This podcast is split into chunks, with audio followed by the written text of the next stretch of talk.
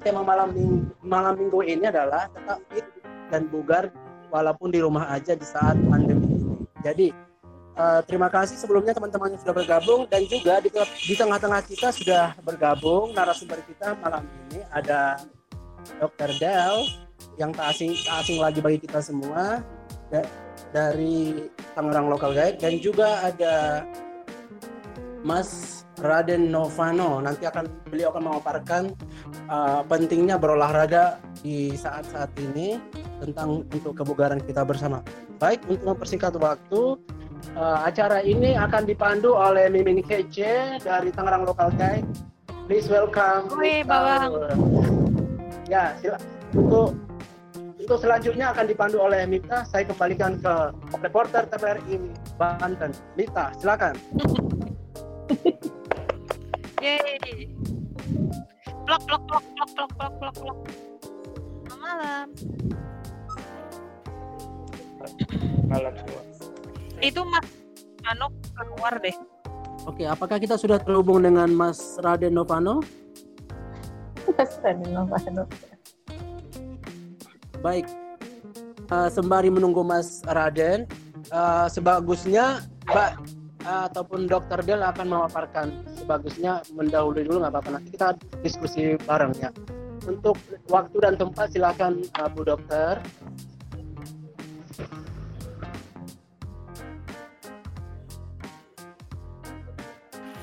Oke, teman-teman semua, um, selamat malam. Ketemu lagi uh, dengan saya. Senang sekali bisa uh, jumpa virtual uh, meeting ini, terutama uh, dengan teman-teman yang di Tangerang yang setiap hari rame chattingnya.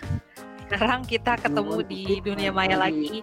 Makasih juga yang udah pada hadir dari Jakarta Tangerang, uh, Jakarta Tangerang, Jakarta Local Guide sama teman-teman yang lain. Is like follower time. If you bring like this, many um, following you to bring like this. That's Bang Raja, could you please mute your I'm Bang Raja? Halo? Oke. Okay. Ya, terus um, mungkin kalau kita lihat di topiknya, kalau kita lihat um, topiknya kan apa nih aktivitas yang bukan aktivitas sih lebih terhadap kalau kita beraktivitas di saat um, di rumah saja ini apa aja sih yang memastikan kita bisa lebih bugar dan fit kalau dari sisi saya sebenarnya saya nggak akan bicara banyak tentang uh, lebih aktivitas seperti apa. Mungkin nanti Mas Novan yang bisa sharing lebih lanjut. Tapi yang saya mau uh, ingatkan sama teman-teman tadi kayak Bang Raja bilang, dan itu juga terjadi pada diri saya sih untuk memulai itu pasti kayaknya susah ya. Um, untuk memulai apa yang uh, paling mudah kita lakukan kira-kira seperti itu. Kalau yang udah biasa olahraga, uh, biasa keluar olahraga kemudian harus di rumah aja kan sula, sus, susah ya sulit gitu. Tapi sebenarnya banyak yang bisa bisa kita lakukan bisa kita modifikasi. Dan di era sekarang ini sebetulnya banyak banget caranya. Teman-teman bisa lihat di Instagram banyak yang sharing dengan menggunakan tools apa pun yang ada di rumah yang seperti itu yang penting bergerak intinya. Dan uh, secara apa ya secara sederhana sebetulnya kalau uh, memastikan kita itu harus bugar dan fit yang masuk dengan yang keluar itu minimal sama. Nah jadi kita harus memastikan itu tuh yang yang masuk dan yang keluar minimal sama. Nah kalau kita mau tahu sebenarnya seberapa banyak sih uh, kalori yang kita perlukan mungkin saya tanya dulu sama teman-teman kira-kira aware nggak uh, berapa banyak sih yang kita butuhkan energi yang kita butuhkan setiap orang gitu? Ada yang tahu nggak 1500 sampai 2000 dok. 2000 2000 2000 sampai 2200 buat cowok. Di buku hari ini katanya 2500 semua jawaban benar. ada yang benar-benar, ada yang kurang benar, ada yang tidak benar. Yeay. gini gini. Jadi tadi yang teman-teman sampaikan betul kita bisa lihat ke kebutuhan itu memang ada range-nya, tapi exactly kebutuhan yang kita perlukan itu itu sangat tergantung dengan uh, tubuh kita. Jadi uh, dilihat dari berat badan, dari tinggi badan. Teman-teman bisa lihat saya uh, masukin link di uh, uh, linknya saya taruh di chat itu dari Hello Sehat. itu bisa untuk chat uh, kesehatan kita, uh, kebutuhan kalori kita exactly berapa. Jadi di situ tinggal dimasukin tinggi badannya berapa, berat badan, nanti dia akan keluarkan exactly berapa kebutuhannya. Karena setiap orang berbeda. Jadi uh, memang range-nya kalau laki-laki kebutuhannya lebih banyak, dilihat lagi kira-kira aktivitasnya dia seperti apa. Apakah uh, pekerja yang uh, aktivitasnya lebih banyak di dalam ruangan, misalnya pekerja kantoran, itu akan berbeda kebutuhannya dengan orang-orang uh, yang pekerjaannya lebih banyak menggunakan fisik. Uh, termasuk misalnya instruktur uh, senam, kemudian uh, fitness dan lain sebagainya itu kebutuhannya berbeda. Jadi tadi saya share sama teman-teman boleh dilihat di chat, nanti bisa uh, dicek masing-masing kebutuhannya kira-kira seperti apa. Nah kemudian, Mohon maaf, ta uh, nyai, uh, tante dokter Nyai kayaknya lagi ya. ngisi kalori terus tuh. Oh gitu ya? Kok tahu sih? nggak apa-apa kalau kalau masuk terus dikeluarinnya banyak juga nggak apa-apa. Intinya kan sebenarnya eh, makan uh, nasi ini nasinya ini uh, minumnya sama energen biar nggak apa-apa kalau dilihat dari penampakannya. Oh, energen okay. minumnya energen. Kamu endorse banget sama energen ya? Saya lanjutin ya. Kalau um, ngelihat apa namanya perawakannya si Nyai mah sebenarnya nggak apa-apa. Lihat BMI aja. Jadi BMI itu basal metabolic index. Jadi kita bisa bisa lihat uh, body body uh, metabolic index. Jadi kita bisa lihat ya. Nah, nanti kalau teman-teman udah uh, buka linknya yang saya taruh di chat, itu bisa lihat masukin kira-kira kebutuhannya berapa, terus itu cukup informatif di situ. Saya saranin sama teman-teman, informasi itu kan sekarang tidak terbendung ya, banyak banget yang kita bisa dapetin dari mana-mana. Cuman saran saya, uh, carilah informasi yang akurat. Jadi misalnya uh, informasi yang kita kita lihat tuh jelas source-nya dari mana, sumbernya dari mana, kira-kira seperti itu. Nah, kalau untuk yang aktivitas di rumah sebetulnya uh, ada yang pernah tahu nggak? Ada nggak sih perhitungan kalau misalnya uh, kita melakukan aktivitas bersih-bersih rumah tuh kalorinya berapa? Ada yang ada yang uh, pernah tahu nggak? Saya tidak tahu 50 kalori. Kalau ngapain? Kalau nyapu ngepel. Kalau ngapain Nah, nyapu ngepel. Ya, ya kira-kira 135-an. Ya.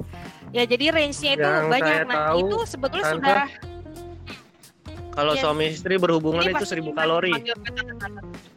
Astaga, coba ya. Eh. ah, Oke okay deh.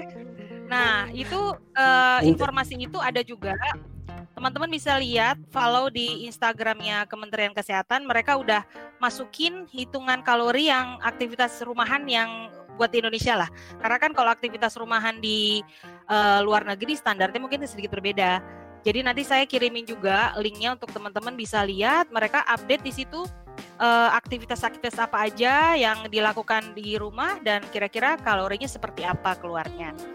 Nah, kemudian uh, untuk kita juga tahu berapa sih kebutuhan kalori kita terus berapa kalori yang kita buang kan gitu ya. Sekarang kan udah banyak banget tuh uh, handphone, kemudian ada aplikasinya atau pakai jam. Jam keren-keren tapi fiturnya coba diperhatikan supaya bisa dimanfaatin kan gitu ya. Aku waktu pas di kantor yang lama uh, ngobrol kan sama temenku mungkin Sinda tahu. Aku bilang, "Wih, iPhone Watch-nya udah yang terbaru banget. Terus tahu nggak cara makainya, manfaatinnya gimana gitu. Nah, itu banyak banget kita bisa bisa lihat dari situ kebutuhannya berapa, aktivitas apa yang kita bisa lihat itu harusnya di era sekarang kita udah bisa lebih melek apa ya tentang kebugaran lah kalau menurut saya kayak gitu. Dan uh, aktivitas yang kita bisa lakukan di rumah tuh ya kayak tadi banyak banyak hal kita bisa lakukan dan memanfaatkan barang-barang apa saja yang ada di rumah asal kita kreatif. Dan jangan lupa eh, apa ya? Kita perlu juga dapat paparan matahari lah sinar matahari supaya nggak terlalu di dalam terus dan eh, itu kan hubungannya juga dengan manfaat dari vitamin D itu sendiri. Nah kalau spesifik mengenai apa-apa aja kembali tergantung pada kita uh, biasanya seperti apa. Kalau yang sama sekali olahraganya jarang, jangan dipaksa kemudian yang lebih berat kan gitu. Karena kebutuhan aktivitas olahraganya itu juga berbeda-beda. tadi saya sempat baca kalau dari WHO itu eh, aktivitasnya tuh antara usia 18 sampai 64 tahun itu bisa macam-macam kebutuhannya tergantung eh, dia kebiasaannya seperti apa. Kalau aktivitasnya biasanya eh, 150 menit itu berarti biasanya 150 menit dalam seminggu itu untuk aktivitas kegiatan fisik yang sedang. Sementara kalau 75 menit seminggu itu kalau aktivitasnya yang lebih berat. Sebenarnya kalau dihitung 75 menit seminggu itu kan nggak banyak ya. Artinya kan cuma satu jam lewat dikit gitu. Nah tinggal kita modify. Nah tinggal kita tahu seberapa sih kebutuhan yang saya perlukan si kalorinya dan seberapa banyak yang saya harus kurangi. Nah itu basicnya. Jadi nanti teman-teman bisa lihat di itu yang tadi uh, linknya saya share. Bisa lihat exactly kebutuhannya berapa. Terus kita bisa lihat juga wah kalau saya makan yang kayak gini berapa banyak nih? Habis itu berarti saya harus keluarin berapa banyak intinya kayak gitu jangan lebih besar pasak daripada tiang. Kalau lebih besar pasak dari, uh, daripada tiang akhirnya kita uh, menimbun uh, kalori. Akhirnya itu yang menjadi uh, apa ya sedikit-sedikit lama-lama jadi bukit gitu. Buat saya sendiri juga saya alamin saya uh, off dari pekerjaan rutin saya tuh uh, officially by November. Nah, waktu itu aktivitasnya tuh crazy banget ya, maksudnya uh, di kantor, duduk dan totally uh, lazy sebenarnya nggak mau untuk bergerak banyak tapi dengan ada waktu yang free ini saya lebih banyak uh, baca apa sih sebenarnya kayak gini. Ternyata banyak hal yang kita bisa lakukan di rumah. Dan uh, setelah itu terus kita harus uh, apa namanya di rumah saja. Jadi ada fase yang membuat jadi lebih lebih mudah gitu.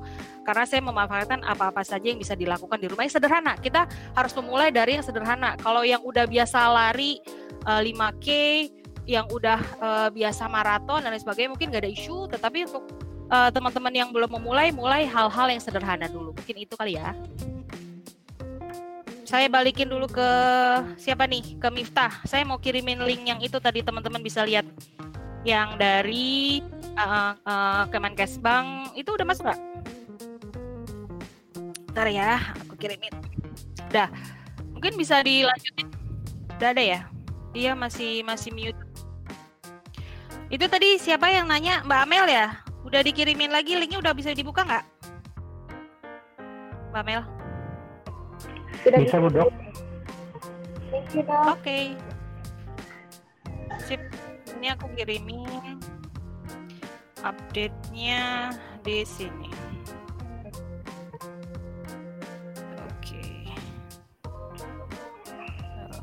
Atau ada yang mau ditanyakan nggak dengan Ya, kalau dia mau Tentang ditanya boleh. sharing dengan Bu Dokter tadi? Tapi sebelumnya terima kasih Bu Dok sudah sharing sama kita tentang apa-apa saja tentang kalori, aktivitas segala macam. Oke, teman-teman ada yang mau bertanya silakan langsung dengan Bu Dokter. Hmm, enggak sih kalau itu mau sharingnya bukan sharing sih.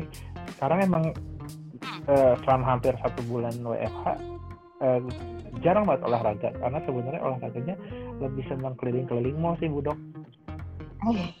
Mas Andre. Oh, baiklah. Iya, ya maksudnya itu kalorinya jauh lebih banyak terbakar kan kadang-kadang tahu-tahu muter-muter muter-muter muter eh, pas melihat di apa namanya di jam tujuh ribu ya, langkah, stepsnya. tujuh ribu langkah, pas kalorinya di circle-nya bahkan eh, sampai di semua circle hari itu tuh sampai eh, selesai semua. Oke, jadi kayak gitu sih kalau sekarang karena bingung juga karena kalau bukan tipikal yang olahraga, olahraga banget Em, terus kalau eh, mau mau lari pagi atau sepeda dan segala macam juga dengan keadaan yang seperti ini kan itu juga agak nggak memungkinkan juga kan Benar sih. Tapi mungkin eh, kalau apa namanya th- thank you sharingnya sebetulnya bukan Mas An aja sih yang kayak begitu ya. Aku pun juga kayak gitu. Lebih senang di luar tiba-tiba harus di dalam kan. Nah ya mesti disiasati memang muter-muter aja dari eh, kamar ke toilet ke dapur gitu. Coba lihat itu langkahnya berapa. ya seben it- itu mah se- eh, seben apa namanya doang banget kecuali rumahnya Nana kecuali rumahnya Nyai gitu itu ke kan. rumahnya Nanang ya. Eh, atau rumahnya Adi yang kalau ya dari gerbang keluar rumah. eh, dari gerbang sampai masuknya aja kayaknya mungkin 10 kilo gitu atau sebenarnya kita jangan terpaku hanya pada step karena memang yang bisa di kan alat-alat yang bisa mendetek uh, jumlah kalori itu kan nggak hanya langkah kan ya, ada ada hal-hal lain juga. Jadi uh, ya itu tadi mesti shifting the mindset sih bahwa nggak harus ini dan kita mesti pikir apalagi nih aktivitas yang lain yang yang bisa uh, kita manfaatkan. Itu kayaknya Mas Novan udah masuk deh. Mungkin Mas Novan secara spesifik bisa sharing. Kalau aku pelaku yang baru mulai juga untuk apa namanya bisa hidup lebih sehat. Tapi kembali adalah um, mindsetnya sih. Mindsetnya kita mesti mesti kayak apa gitu.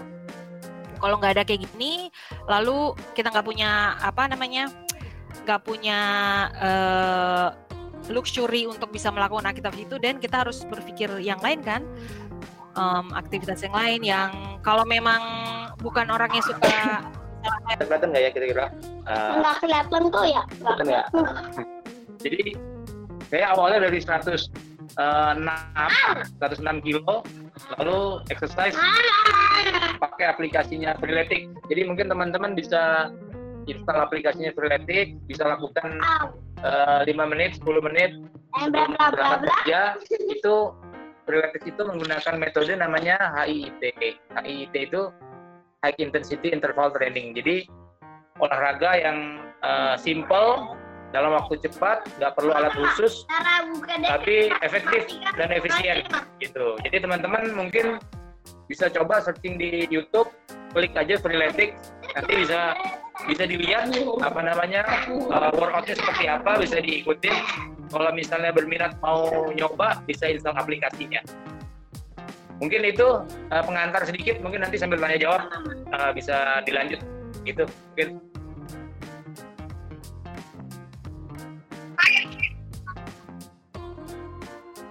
Mas sharing dong itu keren banget sih dari 106 gitu ya. Terus sekarang udah berapa? Boleh dong kepo dikit. Udah berapa sekarang? Ada suaranya. Anyway mungkin nanti itu dong boleh boleh di sharing um, dalam waktu berapa lama terus ekspektasinya uh, kira-kira seperti apa. Kadang kan kita mau uh, berat badannya cepat turun uh, dalam waktu juga cepat which is doesn't make sense at all. Nah mungkin uh, bisa di sharing kali ya mas dari situ bahwa ekspektasi kita itu seberapa kemudian apa aja yang dilakukan spesifik uh, dengan si olahraga tadi. Thank you uh, izin bertanya, ikut bertanya juga nih, Bu Dokter. Silakan Nyai. Ini orang pada bingung ya gimana caranya nurunin berat. Nah, yang aku bingung itu, aku itu biarpun makan banyak tetap gak naik-naik gitu. Sebenarnya uh, untuk idealnya berapa sih? Karena uh, aku itu 154 uh, beratnya sekitar 4 45 gitu ya. Ya termasuk kurus sih. Udah makan banyak. Oh. Oh, jadi ya, sebenarnya ya. pertanyaannya adalah ada apa dengan Nyai? Silakan jawab, Bu Dok. ada apa dengan Nyai?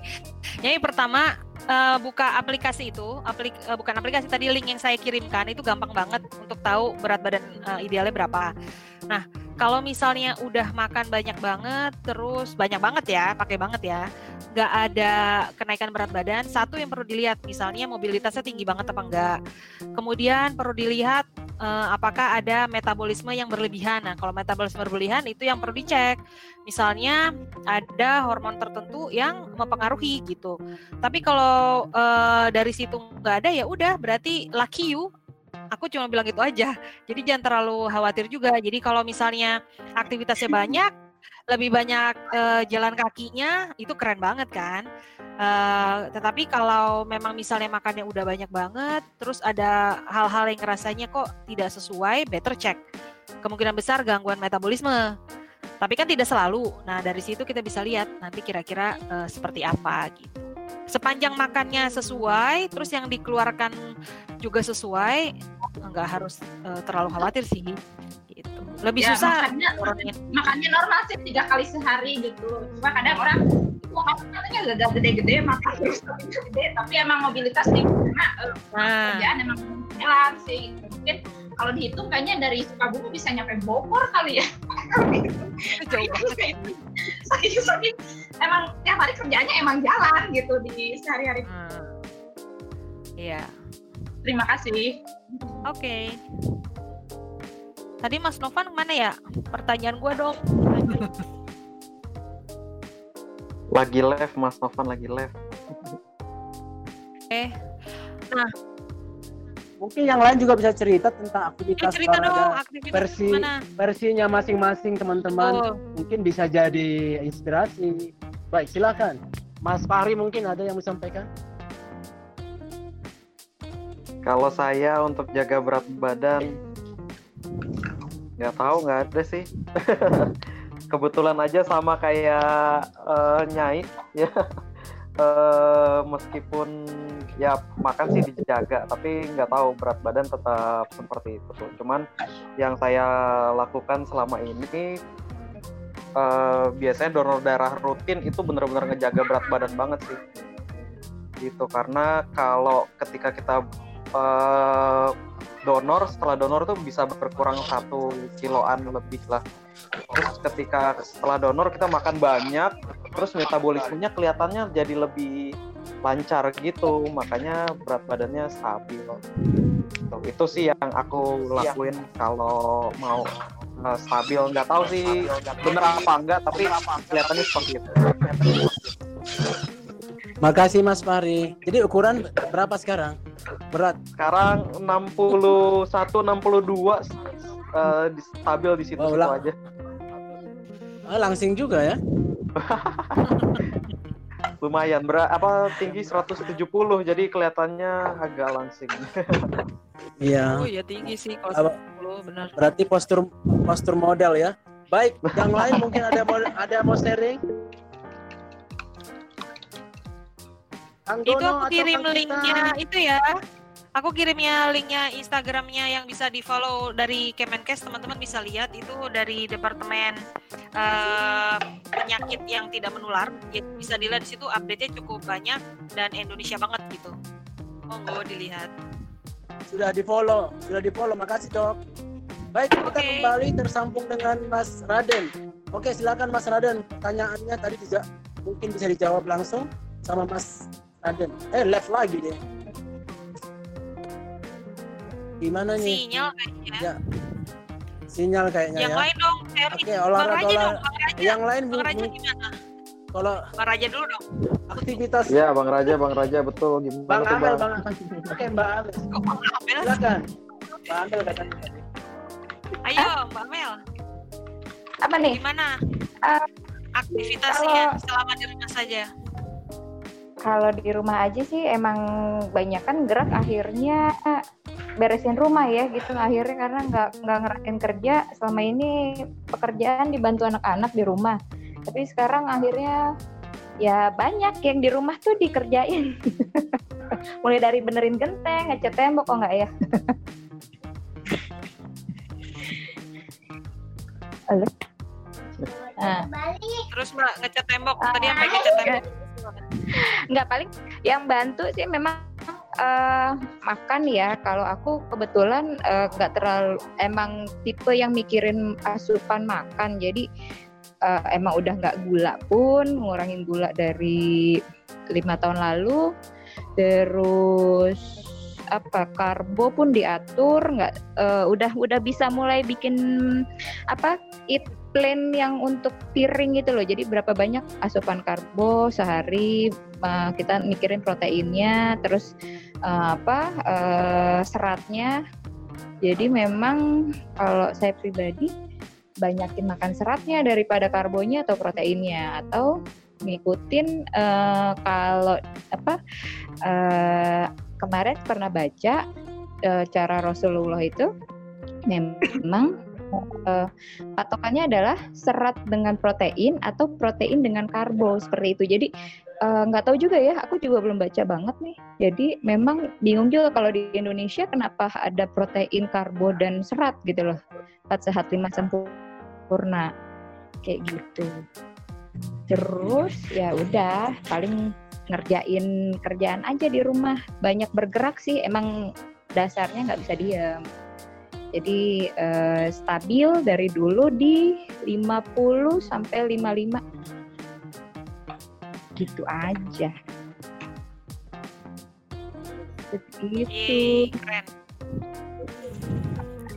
tip lainnya ya. Keren banget Mbak Mel tipsnya. Tertarik sama Mas Dono tuh, Mas Dono gimana tuh? Tadi Iya, iya, sharing di gimana, chat gimana? kayaknya seru banget tuh Mas Dono. Ya silakan Mas Dono. Kang Dono dari Bandung, jauh-jauh dari Bandung ya. Silakan.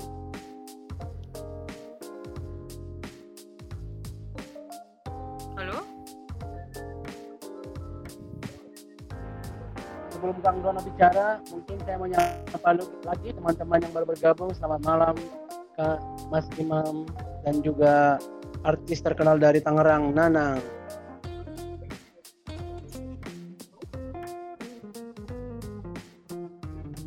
Halo. Ada nih, ada Nanang. Nah, nih ah, ayo Mas Novan jawab dong pertanyaan aku.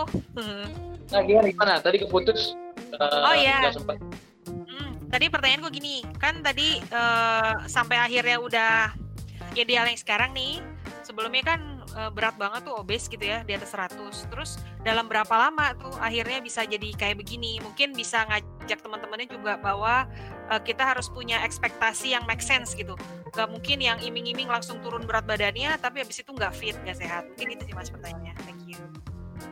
Oke, oke. Jadi waktu itu saya dari 108, 108 kilo itu nurunin eh, 8 bulan. 8 bulan itu ya walaupun belum sampai di posisi ideal, tapi posisinya udah bisa buat lari lah. Jadi memang waktu awal-awal itu saya startnya tuh dari benerin makan dulu. Jadi memang karena badannya besar, di bawah olahraga juga eh, susah. Jadi saya saya diet dulu, eh, benerin makannya artinya eh, seperti yang tadi ibu dokter bilang hitung kalori eh, TDI-nya berapa atau kalau dari daily energy expenditure-nya terus saya makan di bawah itu selama 8 bulan eh, berat badannya eh, turun di bawah 100 baru bisa di bawah olahraga. Itu 8 bulan 8 bulan itu baru bisa start olahraga. Itu sampai dengan di posisi ideal itu dua setengah tahun lah kurang lebih.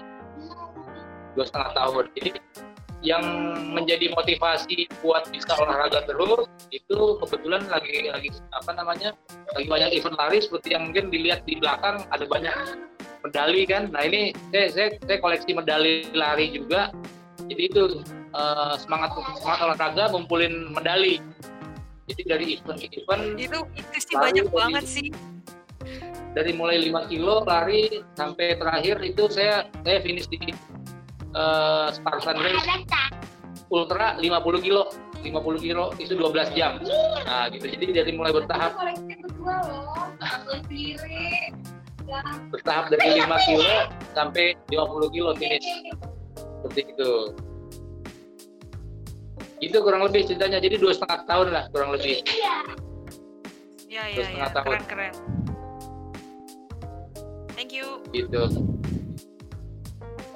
Jadi mulai eh, ngelola makanan dulu kan, aktivitas yang Ya. berat-berat semuanya kan masih masih nggak bisa. Saya pun juga waktu itu kayak gitu gaya teman-teman di kantor waktu itu pada ikut 5K, gue mau ikut, gue kedegul gue gak kuat ya. Tapi akhirnya ya udah apa namanya ngelihat aktivitas yang sesuai dengan eh, berat badan saya nih kira-kira udah berapa lama ya? Eh, lumayan sih turunnya tuh 15 kiloan dalam waktu lima bulan ya. Hampir 20 kilo. Tapi itu akhirnya bertahap makan juga mesti dikelola dengan baik.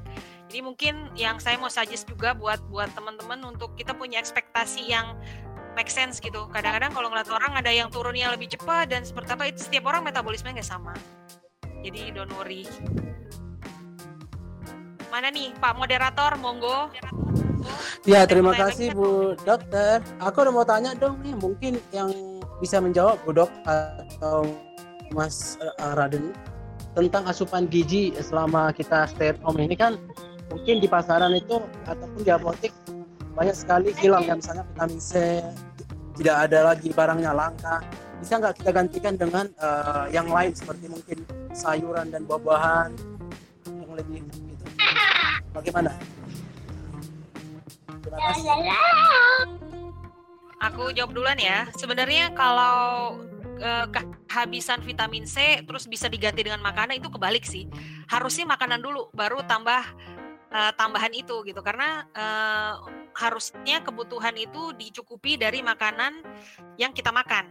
Jadi semua eh, zat gizi. Nah, hanya saja kan kadang kita makan makanan itu zat gizinya udah berkurang karena prosesnya atau juga kita picky. Nah, karena itu baru kita mem, uh, membutuhkan tambahan eh, zat-zat gizi tambahan. Makanya namanya suplemen. Karena suplemen itu kan artinya kan additional untuk menambahkan gitu. Jadi, kalau pertanyaan adalah boleh nggak diganti dengan makanan? Ya, justru harus dari makanan. Nah, jadi ketika saat ini sudah mulai jarang, coba kita lihat lagi banyak informasi yang kita bisa baca apa aja sih sumber vitamin C dan lain sebagainya. Cuman yang kita perlu lihat apa aja makanan yang kira-kira bisa uh, kurang efektif uh, penyerapan vitamin C misalnya dan lain sebagainya. Jadi uh, jangan terlalu tergantung pada uh, multivitamin atau suplemen karena saat ini langka. Jadi justru sekarang kita lihat-lihat makanan yang memang selama ini kita mungkin nggak pernah perhatikan sebelumnya justru di situ sumbernya lebih banyak dan uh, alami anyway gitu gitu sih bang Baik, terima kasih dok atas sarannya. Saya akan lebih memperhatikan itu. Terima kasih. Baik, Ayo ada makan sayur yang lain.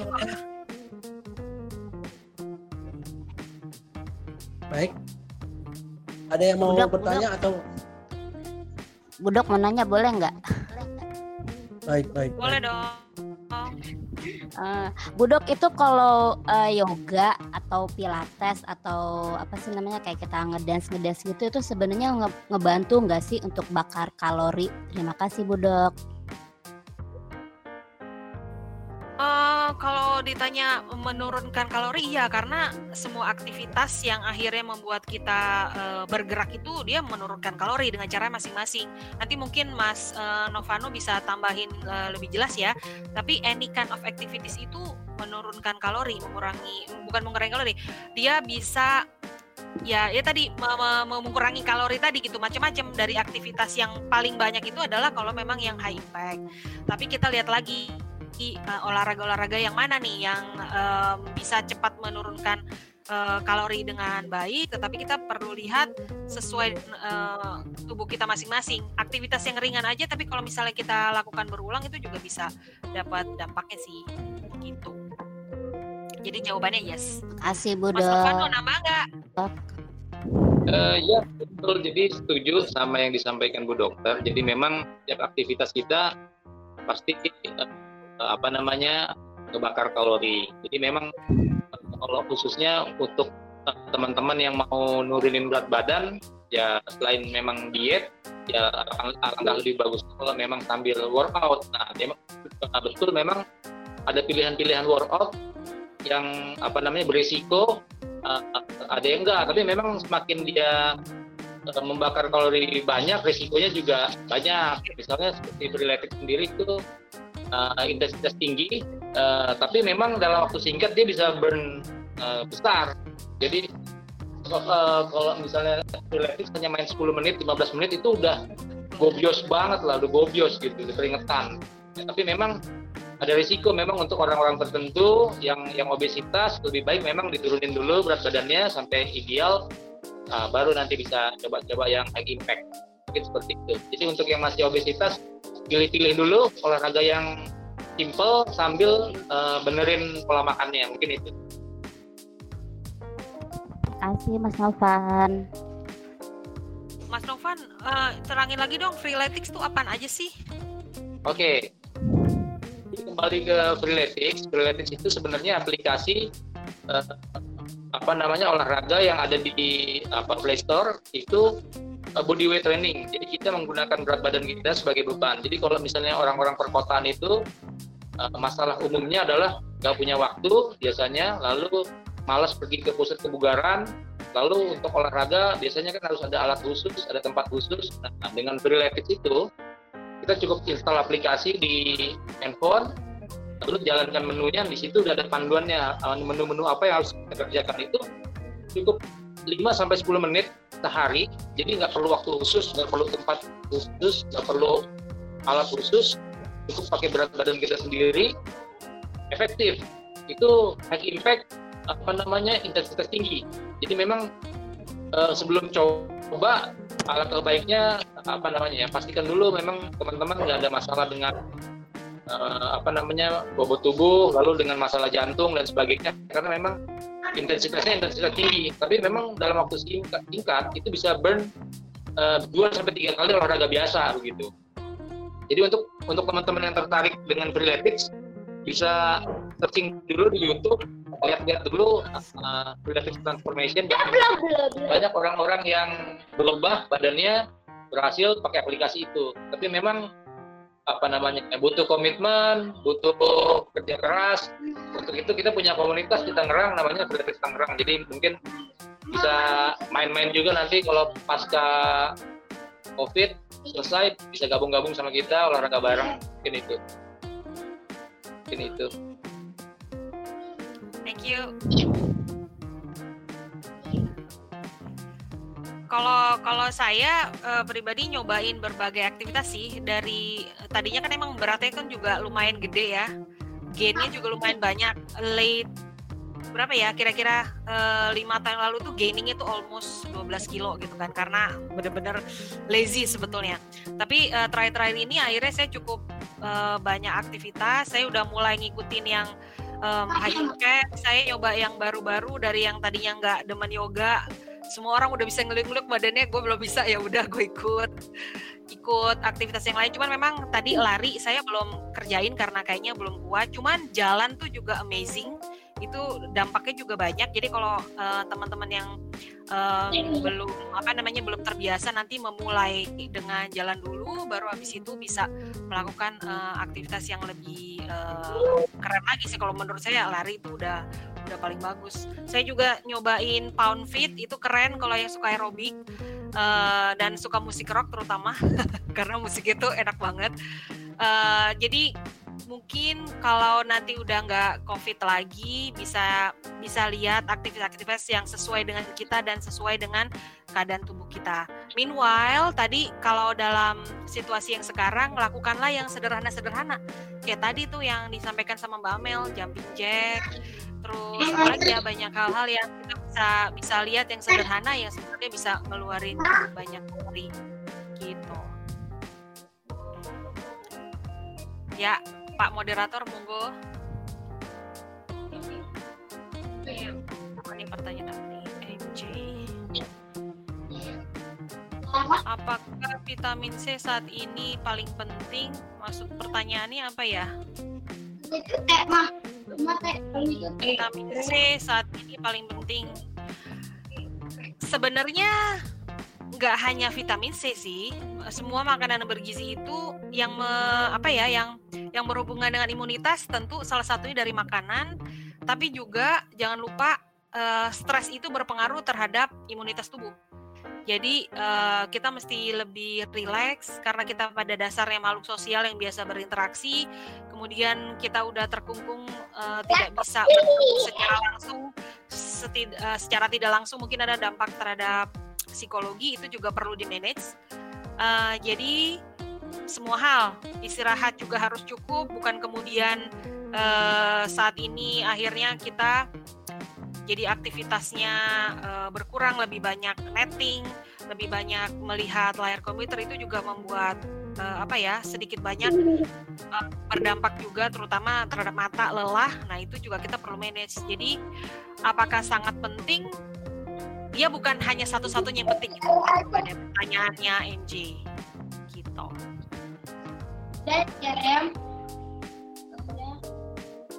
Nah apalagi nih? Tinggi 177 berat badan 55 itu mah oke. Okay. nah. Tadi prinsipnya sederhana pokoknya kalau mau aku suka tuh tadi prinsip Mas Novano sederhana banget. Kalau mau berat badan turun makannya di bawah yang seharusnya. Kalau berat badannya mau naik kayak tadi nyai udah dihitung kebutuhan berapa ya udah makannya lebihin gitu. Terus dilihat aktivitas fisiknya seperti apa prinsipnya itu. Cie, baru masuk soalnya habis workout. Si siapa deh habis workout? Yusrama workoutnya apa nih? Nah. Ayo Rama, ada halo. Boleh share dong yang habis workout. Kutek-kutek apa sih?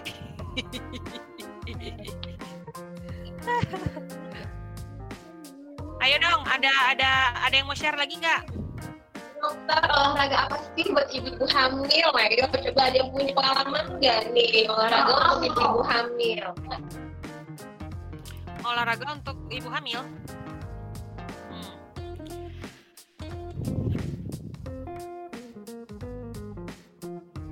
Iya, kalau sebenarnya olahraga untuk ibu hamil um, kembali lagi juga. Saya waktu kapan ya uh, awal-awal di rumah saja itu instruktur aerobik saya ternyata dia tuh hamil lima bulan dan dia tetap uh, aerobik sih.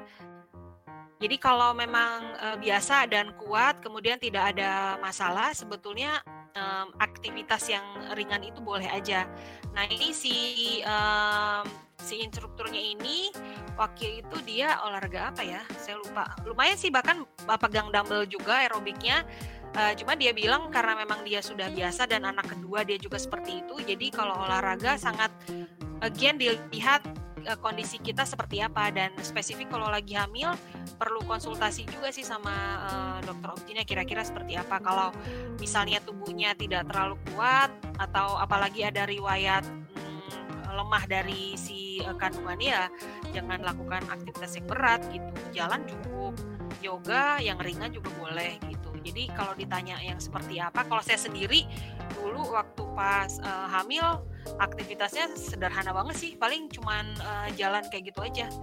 Jadi kalau mau ditanya yang seperti apa secara spesifik ya kembali ke setiap orang uh, dia bisa accept seperti apa gitu. Silakan Pak Miftah dikembalikan.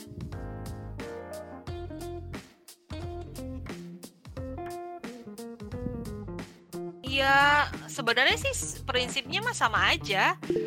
Uh, olahraga ya artinya uh, tinggal kita mau mau aktivitas uh, yang seperti apa kalau di luar di luar ruangan suhunya terlalu dingin ya berarti uh, aktivitasnya ya mesti di manage dengan baik. Jangan sampai akhirnya freezing. Kalau lagi dingin banget ya baiknya aktivitasnya di dalam ruangan gitu.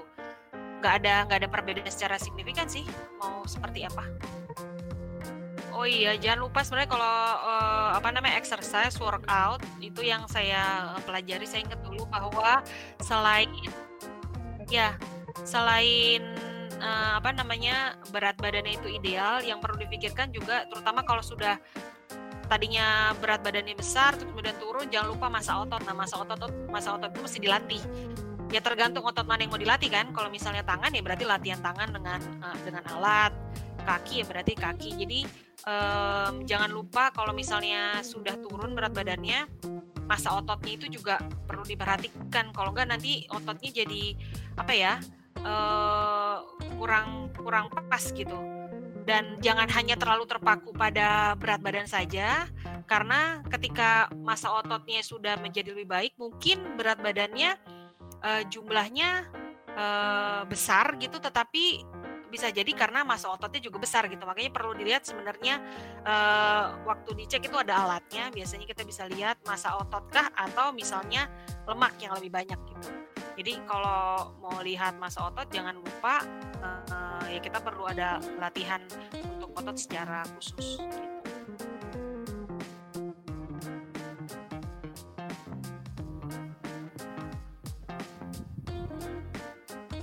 Apa lagi? Sharing dong yang lain. Aku juga baru menjadi orang yang lebih baik lagi. Iya, halo. Saya ada tidak anak vitamin C di sini ada.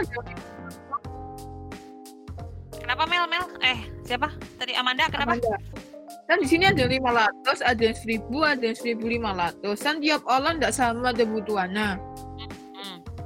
Nah, kalau buat saya di ini yang anu yang mana ya? 500 atau 1000? Sebenarnya kalau lebih dari uh, kebutuhan per hari, vitamin C dibuang anyway sih. Jadi sebetulnya 500 itu udah udah cukup. Kalau mau 1000 juga fine, tapi kalau di atas itu tetap aja nggak akan uh, disimpan di dalam tubuh, akan dibuang karena dia adalah termasuk vitamin yang larut air. Jadi kebutuhan 500 itu cukup, 1000 fine.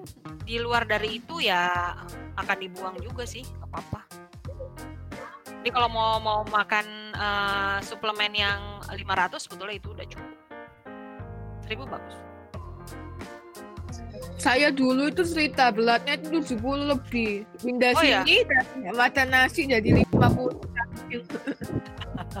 Ternyata ya berubah harus makan nasi. Kan makan roti.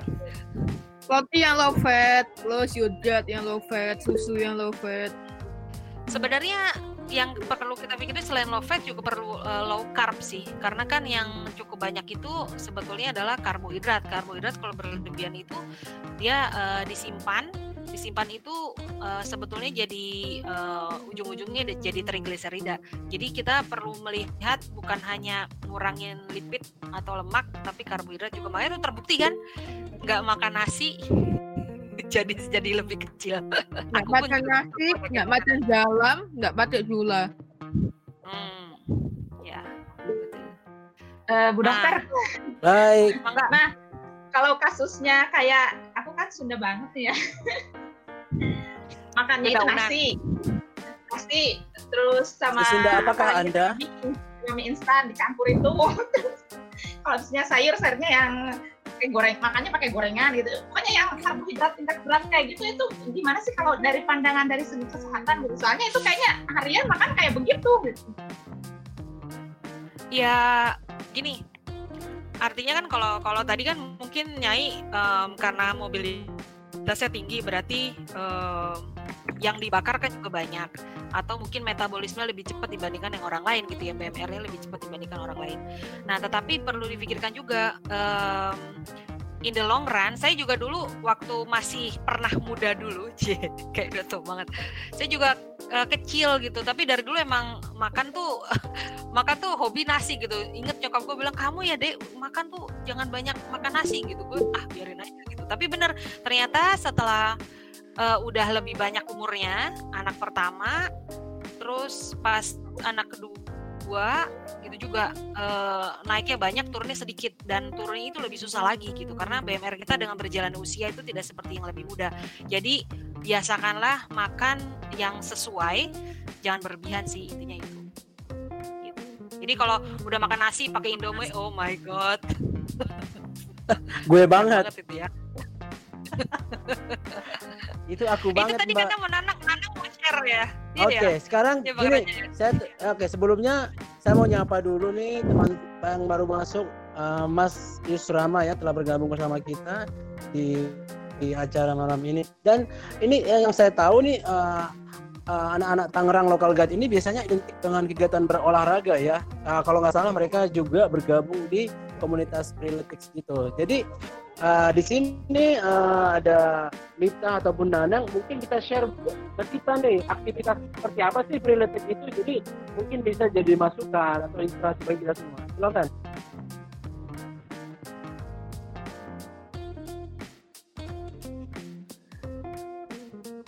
Baik, mungkin eh, salah satu di antara kalian baik menjelaskan Nanang mungkin Nanang mana suaranya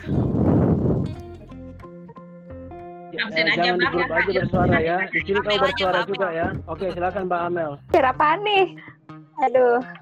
Ya, tentang, tentang kegiatan freeletics-nya itu kan tadi yang ya kalian kan rajin tuh uh, mengikuti pola apa trainingnya latihannya seperti apa apakah empat dua atau seperti apa sih nggak ngerti coba dijelasin Eh, jadi kalau di freeletics sendiri sih, eh, mudah-mudahan gue nggak salah ya, karena sebenarnya eh, saya juga baru gitu kan. Jadi eh, itu balik lagi ke diri masing-masing gitu loh. Targetnya mau apa?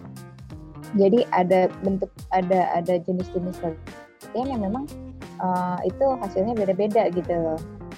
Kalau untuk bugar doang sih ya mungkin banyakan eh, apa olahraganya olahraga yang ringan yang yang yang dilakukan berulang-ulang gitu. Tapi beda-beda masing-masing punya punya target masing-masing gitu.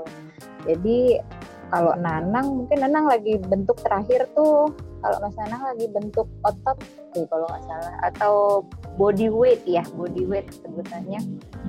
Jadi eh, lebih banyak tuh mengolah gimana agar masa ototnya bisa uh, muncul gitu. Jadi uh, bagus gitu ke badan. Nah itu makanannya juga berpengaruh uh, jenis olahraganya juga berpengaruh gitu. Jadi kalau saya karena kalau saya sih hanya fit banyak kan memang ya cuma yang bergerak-gerak biasa aja. Jadi memang yang gerakan-gerakan ringan lah seperti yang tadi saya cerita gitu. Uh, apa sih? Kayak squat kayak gitu gitu sehari-hari gitu. Pengraja baik terima kasih Mbak Amel sharingnya. Oh ya ada pertanyaan dari teman kita juga. Mungkin ke Bu Dokter atau Mas Raden. Ini dari Kang Titan nih mau hindari nasi susah banget pagi-pagi katanya. Karena pagi-pagi itu udah ada bubur ayam terus ada lontong kari terus malamnya nasi goreng lagi. Waduh menumpuk nih. Jadi gimana sih biar bisa mengganti ataupun pola seimbang juga asupan gizinya pagi sama malamnya? Seperti itu mungkin ya yang bisa saya tangkap silahkan Bu Dokter ataupun yang bisa menjawab. Saya cuma nambahin pengalaman pribadi ya. Pengalaman pribadi. Jadi um, apa waktu dulu belajar mah itu pasti dipelajari harus begini harus begitu. Tapi ketika jalanin itu totally nggak mudah. Sama saya juga kayak gitu. Tetapi akhirnya um, kita mesti, mesti lihat lagi kira-kira kalau misalnya kita nggak uh, healthy gitu dampaknya apa sih buat kita gitu? Jadi lebih terhadap merubah mindset. Dari situ kita bisa lihat uh, baca-baca kira-kira yang sederhana-sederhana kan banyak informasi kita bisa lihat. Kalau um, berat badan itu pengaruhnya apa sih? Bukan hanya estetika biasa saja tetapi banyak uh, hubungannya dengan um, penyakit gitu. Itu menjadi menjadi uh, faktor resiko penyakit banyak sekali. Nah itu mungkin kita perlu lihat oke okay, kalau kayak gitu seperti apa? Jadi ya memang kalau untuk makan itu kan sebenarnya prosesnya banyak ya. Dari kita lihat diterima di uh, otak kita kemudian kita berespon nah tinggal caranya ya kita kurangi untuk me, apa, apa namanya bisa melihat yang makanan kayak gitu. Jangan jangan mudah habis itu apa apa ah beli aja uh, GoFood atau beli aja di seberang rumah tukang nasi uduk. Sama gue juga gitu tadinya. Cuman akhirnya um, kembali lagi ngeliat kayaknya kita perlu uh, lebih healthy dan itu gak bisa juga semudah membalikkan telapak tangan. Jadi ya lebih terhadap mindset. Buat buat yang mudah buat kita tetapi menjadi fun. Kayak buat saya misalnya apa aja gue jus deh. Pokoknya terserah makanannya apa gue jus supaya lebih mudah. Itu salah satu cara untuk untuk membantu. Dan uh, yang bagus banget tuh kan pisang. Pisang tuh kalorinya uh, baik uh, kemudian banyak vitamin kemudian ada kalium yang bagus banget untuk jantung dan sebagainya buat yang buat kita nyaman gitu. Mungkin dimulai dari itu. Ya sama di kantor kan juga kayak gitu. Belum berangkat udah bawa makannya di mobil makannya segala macem atau lewat drive thru tukang nasi uduk tukang ini. Nah ya itu. Kembali kita mesti uh, apa ya uh, mindset dulu nih kita mesti punya goals yang clear yang kita capai apa again karena gampang itu juga gue ngerjainnya bulan-bulan. Tapi akhirnya at the end kita mesti persisten dan konsisten mungkin itu kuncinya. Ada pepatah kan bilang gini ya ah cuman makan um, sekali doang gak akan naikin berat badan. Bener. Tapi makan juga kita diet sehari doang juga nggak nurunin berat badan anyway. Jadi maksudnya itu yang perlu kita perlu kita ingat adalah um, itu tadi konsisten. Pelan-pelan tapi uh, secara konsisten yang lain kali mau sharing. Oh iya boleh sharing ya. Jadi ya. uh, sebenarnya kesadaran nah benar kata dokter nih gue juga pernah sampai titik yang memang kesadaran kenapa akhirnya gue harus sehat gitu loh. Satu memang dulu uh, ada riwayat almarhum bapak itu cancer. Jadi mulai di situ kita belajar clean eat itu dari situ. Uh, benar-benar nyari informasi. Ternyata selama ini asupan kita tuh salah banget gitu loh. Nah, terus aku juga tipenya memang tipe makan namanya orang Sunda ya apa segala dimakan gitu kan. Kalau bisa uh, pintu daun pintu dimakan daun kuping dimakan deh itu tuh ya.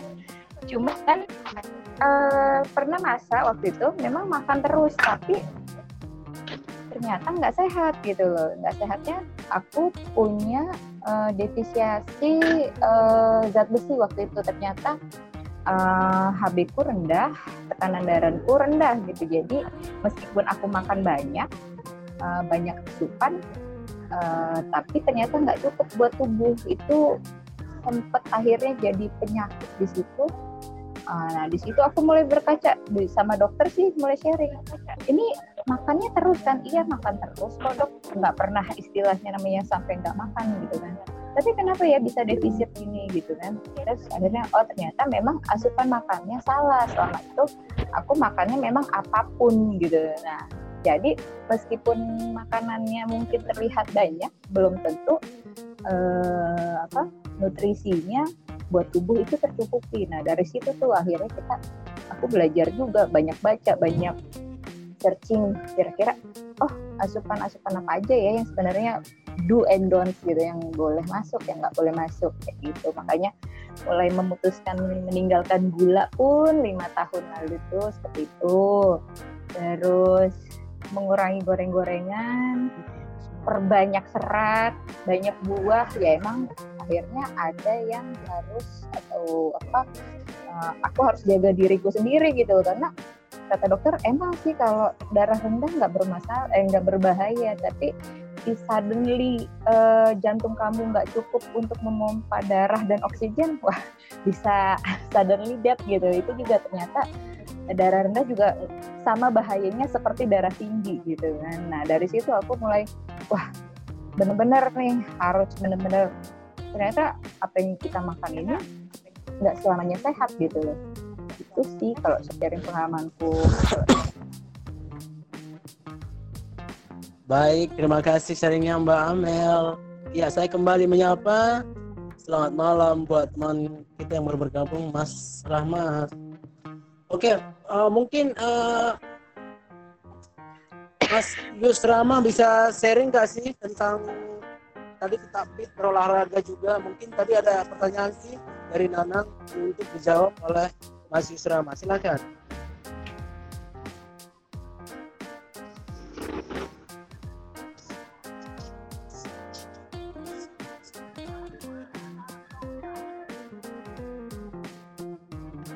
Halo, halo.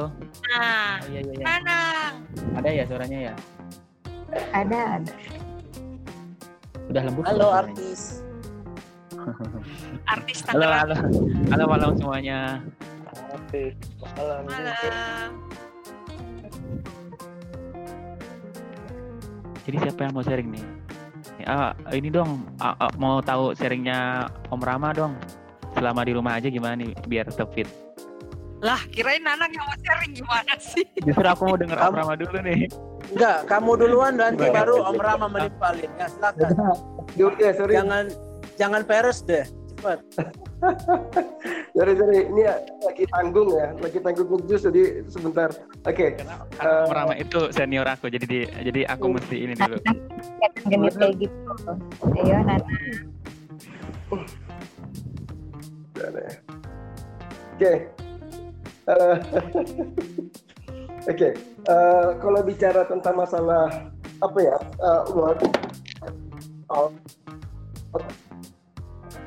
mungkin bicara tentang bagaimana sih kita tetap fit ya dalam kondisi uh, tagline-nya masih stay at home gitu.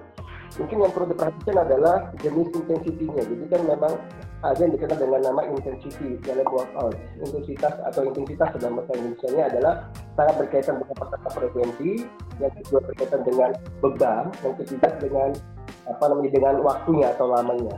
Nah, ada yang dikenal dengan uh, G curve. Itu penting sekali G curve. Jadi curve itu adalah seberapa besar intensitas yang memang uh, suatu jenis workout itu bisa meningkatkan imun kita. Nah ini paling penting nih dalam hal bagaimana kita menanggapi dia tetap fit di rumah, tetapi ini, menjadi perhatian kita sekarang ya. Nah di curve ini sangat menarik kalau dibahas.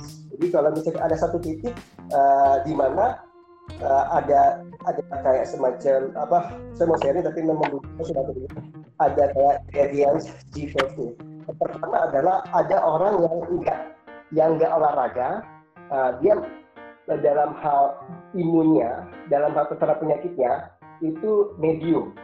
Nah ada ada orang yang tinggi intensitas workoutnya. Nah dia dalam hal ini di posisi ini intensitasnya tinggi, uh, kemudian dia sangat mudah terserang. Ya, karena imunnya rendah gitu kan.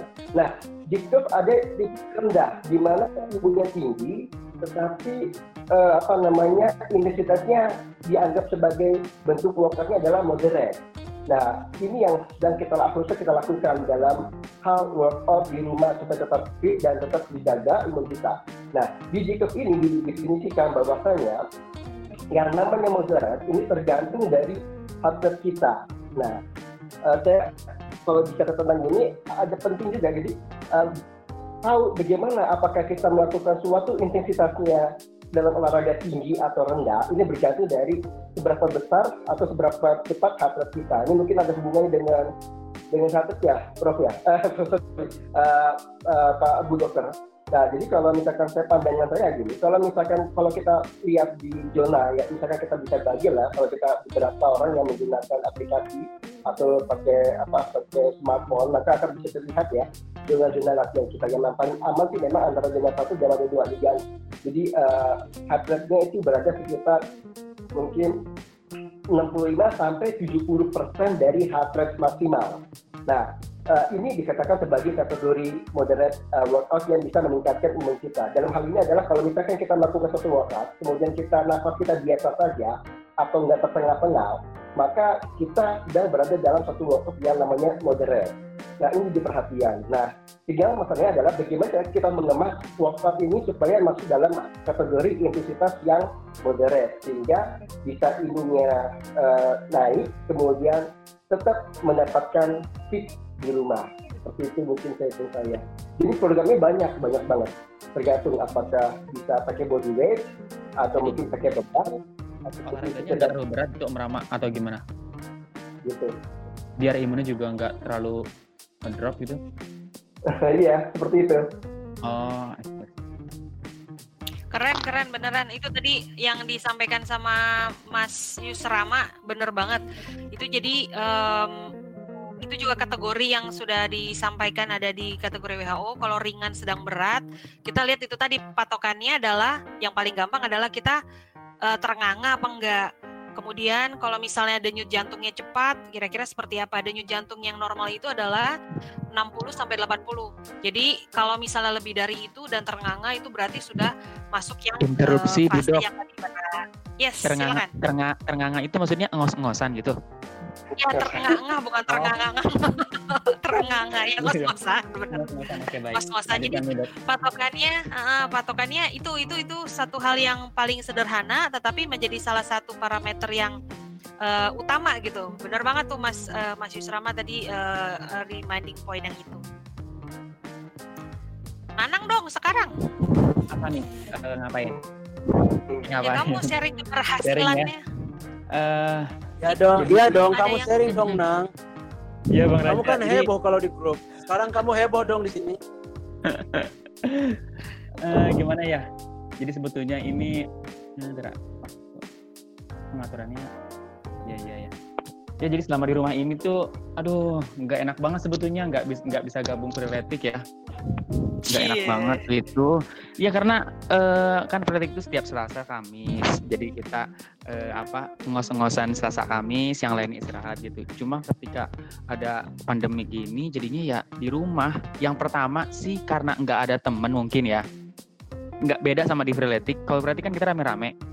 Enak gitu. Kalau sendiri ya agak-agak uh, butuh semangatnya gitu loh. Butuh semangat ekstra gitu. Jadi ya kalau di rumah paling uh, uh, ya kayak Mbak Amel gitu tadi palingnya jumping jack kayak gitu-gitu uh, apa kalau di freeletik itu namanya itu uh, menu-menu yang aura yang yang enteng-enteng gitulah. Jadi biar nggak terlalu ngos-ngosan juga. Bukan nggak mau ngos-ngosan juga sih karena gitu jadi nggak ada teman.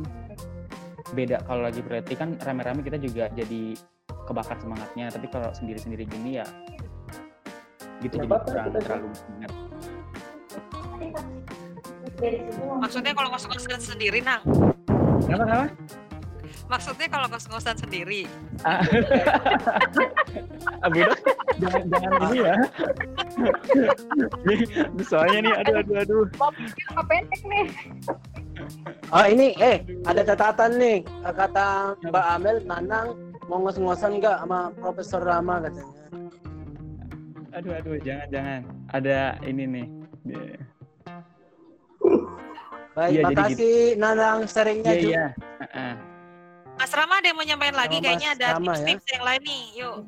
Ya, sebenarnya kalau kita yang pertanyaan mungkin eh, yang perlu kita jawab pertanyaan berikutnya adalah kan tadi kita bicara bahwasanya moderate intensity itu bisa meningkatkan adaptif.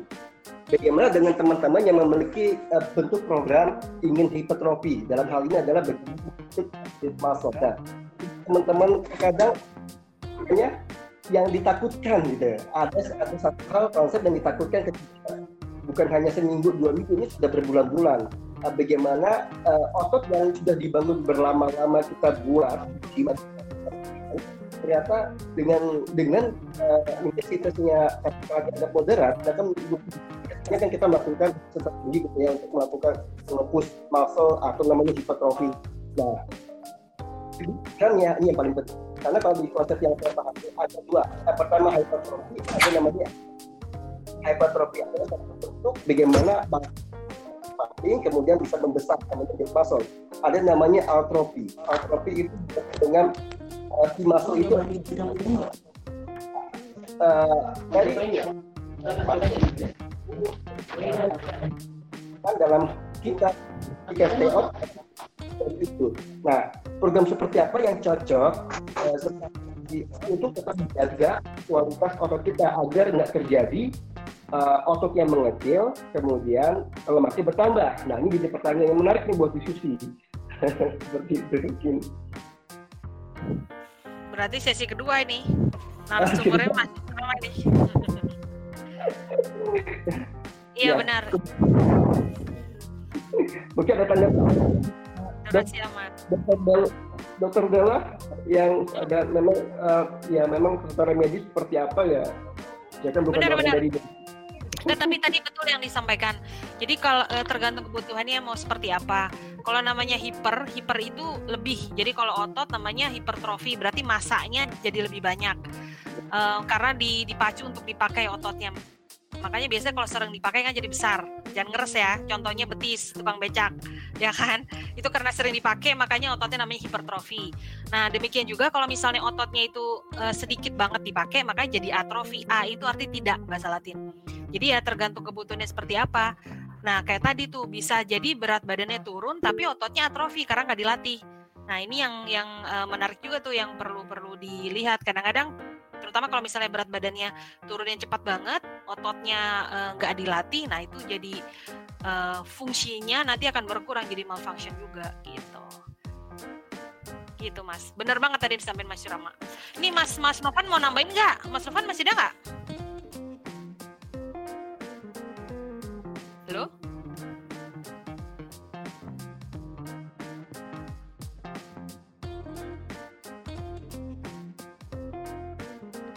Eh, Om Rama mau ininya dong, sharingnya. Kalau apa kan web WFH itu eh bukan WFH, istilahnya stay di rumah gitu kan eh ya tidak bisa eh maksudnya kayaknya nggak cuma nggak cuma saya gitu. Kayaknya tuh makan mulu, nyemil mulu gitu. Eh jadi biar biar kelar we- biar kelar stay home At gini home. terus enggak enggak enggak meludak perut gitu. Kira-kira gerakan apa nih yang bisa dikerjain di rumah gitu? biar nggak buncit-buncit banget Om Rama. Eh, ya. Penting banget nih. Penting. Kayak Biasanya kan Ini ya. kalau cewek kan gitu kan, aduh perutnya udah gini gini gitu. Oke. Ya sebenarnya eh, gerakan-gerakan, jadi kan memang tergantung orang sih ya. Jadi memang ada beberapa orang yang memang cukup dengan bergerak sedikit gitu kan, atau mungkin sudah bisa. Tapi memang konsepnya adalah progressive overload gitu kan. Jadi progressive overload itu adalah bagaimana kita selalu men-challenge suatu gerakan yang memang menantang diri kita untuk melakukan hal lebih. Contoh misalkan gini, pertama pertama kali kita misalkan kita push up kita nggak kuat maka kita pakai knee push up push up jadi pakai dengkul gitu kita pakai lutut. Kemudian kita sudah bisa sampai melakukan lebih dari 20 repetisi berarti kita sudah kuat untuk melakukan uh, push up relatives ya yang yang apa yang dia tahu kan ya teman-teman relatif ya maksudnya yang uh, yang apa tangan di drop ke atas kemudian push up biasa udah sampai sampai 20 maka challenge lagi diri kita gitu. Terus terus jadi kita misalkan ternyata bisa pakai push up perfect push up kemudian nambah lagi oke pakai diamond push up nambah lagi. Jadi memang ada sebuah gerakan dalam body weight khususnya itu yang memang membuat kita uh, terstimulus ototnya sehingga samping atau sehingga otot yang ada itu akan terus terlatih sehingga memungkin meminimal meminimalkan atau menyusut. Nah, ini menjadi perhatian sebenarnya teman-teman kalau memang mau programnya adalah back muscle. Bisa dengan ban. Contoh ban itu adalah yang kita temukan sehari-hari. Nggak perlu dumbbell, nggak usah dumbbell, nggak apa-apa. Bisa, bisa yang pertama adalah mungkin bangku bisa kita gunakan gitu kan, atau mungkin bisa galon. Bahkan Fidelity sudah men-share ya beberapa minggu lalu saya melakukan suatu gerakan yang menggunakan galon untuk latihan kita. Kenapa harus buat seperti itu untuk mencari diri kita gitu kan? Kenapa otot kita menyusut? Karena kita nggak mesti mulus otot kita dengan sebuah gerakan. Nah, supaya otot kita tetap bertahan, biar masanya tetap ada, progressive overload tetap ada, maka yang pertama adalah gerakan ini harus di-challenge di kita. Kalau misalkan push up biasa sudah bisa, mungkin one hand push up satu tangan atau satu tangan sudah ringan maka handstand. Kakinya di atas kepalanya di bawah tangannya di bawah gitu. Atau gerakan yang lain atau misalkan uh, ya bisa contoh push up atau mungkin squat atau lain sebagainya. Jadi memang intinya adalah tetap berpahaman pada progressive overload dalam sebuah workout sehingga tetap uh, apa kita tetap terjaga nggak terjadi atrofi gitu kan. Kemudian juga uh, apa namanya program-program yang kita inginkan supaya lemak kita tetap berkurang itu ya seperti itu programnya. Banyak programnya. Nah ada programnya tergantung dari mau berapa latihan kita per minggu eh, berapa hari per minggu? Bisa ke enam hari bisa ke lima hari bisa empat hari bisa tiga hari atau bisa dua hari. Minimal sih sebenarnya tiga hari untuk bisa untuk dapat build muscle gitu. Nah gimana programnya? Nah, ini panjang lagi. Programnya seperti apa? Apakah full body workout atau push pull legs atau upper upper lower dan lain sebagainya. Waduh, kalau seperti ini berarti harus join ke relative teman-teman yang belum ya. Yeay, mau ikutan. itu mungkin do Aku dokter mau... punya iya. ya. Tadi kalau yang secara teknis uh, keren banget ya. Tadi uh, Mas Yusrama emang emang expertnya di situ. Saya mungkin cuma mau nambahin untuk tadi pertanyaannya gimana supaya di era di rumah saja ini ada ada motivasi gitu motivasinya ya udah ngaca aja nang yang paling gampang kalau sekarang lu ada segini terus kalau kemudian abis itu uh, apa namanya kita rebahan doang terus lo bisa berpikir uh, akan jadi kayak yang sekarang apa enggak mungkin itu sih bagian dari dari, dari motivasi gitu jadi kalau kita mau apa namanya mau mendapatkan hasil yang berbeda tapi dengan cara yang sama kan mustahil. Nah, mungkin itu kali keluhnya. Ya, kita pikirkan aja kira-kira dengan kita rebahan doang habis itu terus tetap mau kayak gini kan gak mungkin. Mungkin itu menjadi motivasi sama buat gue juga.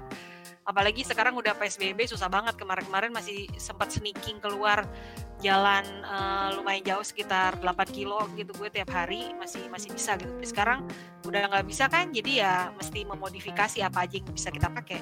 Pakai bangku kek, pakai galon kek atau pakai apa gitu. Jadi intinya mindset, mindsetnya gitu. Setidaknya begitu sih gue. Mungkin yang lain bisa sharing juga. Thank you Bu Dok, thank you Rama. Iya tuh jumping rope apaan tuh mas? Mas Titan.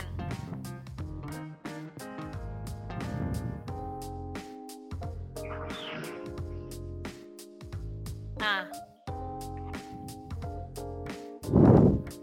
Mas Titan itu apaan tuh mas? Jam jam roping eh apa tadi tuh? Kayaknya seru juga.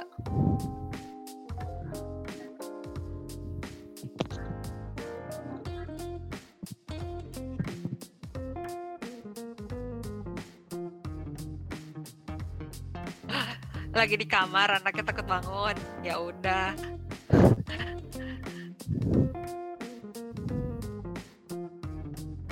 Ada yang mau sharing lagi nggak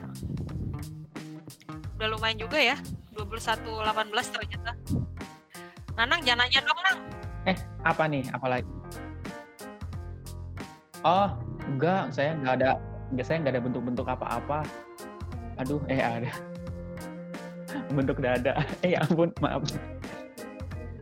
Uh, ini dulu apa kemarin itu ya karena ikut freeletic kan, jadi di freeletic itu ada uh, challenge gitu selama kurang lebih berapa ya Om Rama? Tiga bulan atau empat bulan ya? Jadi ya selama tiga bulan empat bulan itu ya olahraga gitu. Cuma kan enak bareng-bareng gitu. Ya kalau sekarang ya uh, semaunya aja. Kalau waktu kemarin kan challenge itu selama tiga bulan empat bulan itu Mbak Amel juga ikut, ada Om Rama juga. Maksudnya kan ada target setiap bulannya, eh setiap harinya sorry. Jadi setiap harinya itu kita ada target uh, apa namanya ngerjain uh, gerakan ini gitu. Jadi besok ngerjain gerakan ini gitu. Cuma karena lagi pandemi gini, jadi ya nggak uh, ada temen juga, nggak ada challenge juga. Jadi ya gitu se seininya aja semutnya aja gitu kalau sekarang ya tapi nanti kalau udah kelar ini semua aduh pengen balik lagi deh untuk olahraga bareng-bareng lagi kayak gitu uh, ini dong apa mau denger sharingnya dari Mas Rahmat dong sama uh, Bu Devi aduh lama nih nggak ketemu Bu Devi sama Mas Rahmat Ya itu tadi Mbak Devi sharing itu sharing lagi Mbak. Tadi Nana nggak ada, katanya kangen suara Mbak Devi. Iya iya. Aduh Mbak Devi sekarang kangen banget kita. Kamu tuh ke mana aja sih, Nang? ya. Halo Mbak Devi. Udah. udah tadi udah seringku soalnya ya di rumah cuman apa namanya senam-senam gitu aja kan karena memang nggak bisa dibandingkan deh dengan kalian pada yang jago-jago olahraga. Ah thanksin gua. Ya itu aja sih cuma tapi tapi Mbak Devi thanksin tapi beratnya udah turun. Padahal cuma gitu doang ya apalagi olahraga beneran ntar kalau udah tidak di rumah saja ya. Keren. Iya. Masya Allah mudah-mudahan. Tapi begini uh, aku yang aku tahu kalau misalkan kita sering olahraga terus oh, kok lama-lama jadi kayak terbiasa jadi susah turunnya ya? Kenapa tuh? Mbak? Misalkan kan kalau dari pertama uh, kita start itu kan badan belum terbiasa kan? Jadi uh, kita paksa terus olahraga walaupun yang cuma simple doang jalan kaki doang mondar mandir yang olahraga angkat tangan yang dancing yang cuma gitu-gitu doang aja bisa turun dalam waktu dua minggu turun cepat gitu loh. Terus begitu udah masuk minggu ketiga, keempat, kayaknya turun satu on dua on kayaknya, aduh lama banget gitu. Kenapa gitu? Apa karena badan udah terbiasa gitu? Atau gimana? Aku intensitasnya itu uh, seminggu setiap hari kecuali hari Sabtu aja. Apa karena terlalu sering? Enggak, enggak juga sih. Jadi kayak tadi aku bilang kita kalau mau lihat itu nggak hanya berpatokan pada penurun berat badan semata saja gitu ya. Artinya kalau ternyata masa ototnya jadi lebih terbentuk karena berat dari masa otot itu um, oh, iya jadi lebih berat gitu loh. Jadi kalau kita hitung total kan kalau uh, berat badan total itu kan ada cairan ya. Salah satu yang, yang banyak juga kan cairan ya. Cairan di dalamnya, kemudian masa otot, kemudian uh, lemak. Nah, kalau misalnya ternyata masa ototnya terlebih terbentuk, otomatis uh, total body weight itu mungkin tidak uh, selalu turun. Jadi nanti kita patokannya bisa misalnya melihat uh, lingkar badan misalnya. Jadi yang kita lihat oh, adalah iya. lingkar badannya. Iya, jadi oh, nggak iya, melulu iya. selalu ya nggak selalu uh, kita lihat dari berat badannya saja karena bisa jadi ternyata dengan olahraga yang banyak misalnya olahraga tertentu yang dia membentuk core otot dan di situ uh, otot uh, abdomen itu otot perut itu terdiri dari 8 lapis. Kalau ternyata dia itu dilatih bisa jadi ototnya masanya jadi lebih besar gitu. Tapi nanti coba kita lihat perhatikan. Oh kayaknya ternyata baju udah rada longgar. Nah itu salah satu patokannya gitu. Jadi oh, um, iya, tidak Uh, tidak hmm. hanya dari tidak hanya dari berat badan karena bisa jadi masa otot sudah terbentuk. Mungkin Mas Yusra oh. nama namanya enggak itu Mbak Devi. Ya, ya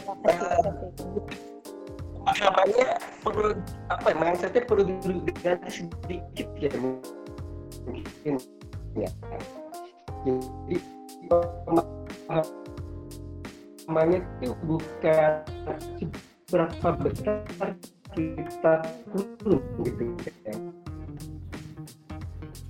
Mas suaranya putus-putus deh.